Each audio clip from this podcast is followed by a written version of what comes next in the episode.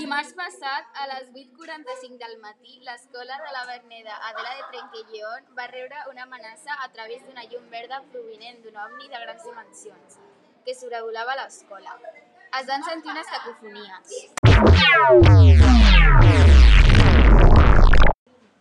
que ningú va aconseguir desxifrar.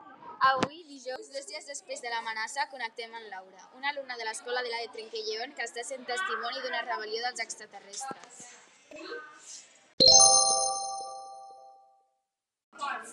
Laura, explica'ns què està passant.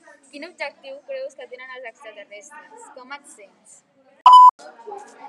L'escola Adela de Trenquelleón està patint un greu atac pels somnis. Estan fulminant totes les classes i alguns alumnes no han pogut sortir de l'escola, amb una llum verda fosforescent.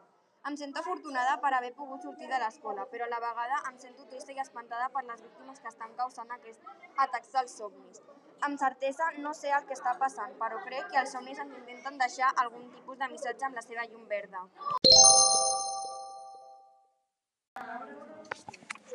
Aquest atac inesperat, com ha passat? Què estàveu fent abans de que aquest atac passés? Quina va ser la teva primera reacció? Ha passat molt ràpid. Estàvem fent classe de matemàtiques quan un soroll molt fort ens va alarmar i espantar a tota l'escola. A un alumne se li va ocórrer treure el cap per la finestra, quan la llum verda li va cremar tota la cara juntament amb el cos.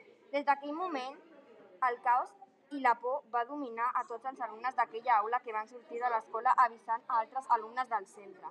La meva primera reacció va ser sortir darrere els meus companys i professors. Laura, m'han informat que un equip d'experts acaba d'arribar a l'escola per intentar desxifrar el missatge que estan deixant els ovnis. Creuen que és un tipus de dibuix juntament amb codi morse.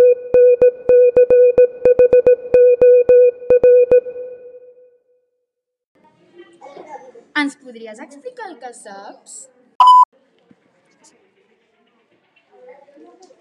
El que sé és que els experts ja han començat a treure conclusions sobre el significat del dibuix. Ells pensen que és un avís per nosaltres, els humans. Volen envair la Terra, començant per la nostra escola i seguint per totes les ciutats i països.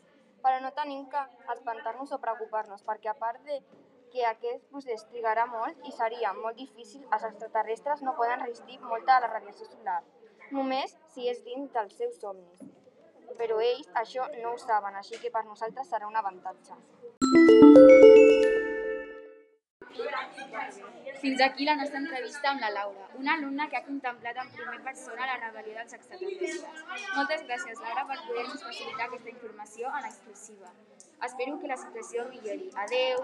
Igualment, Emma. Adeu. Oh, thank you.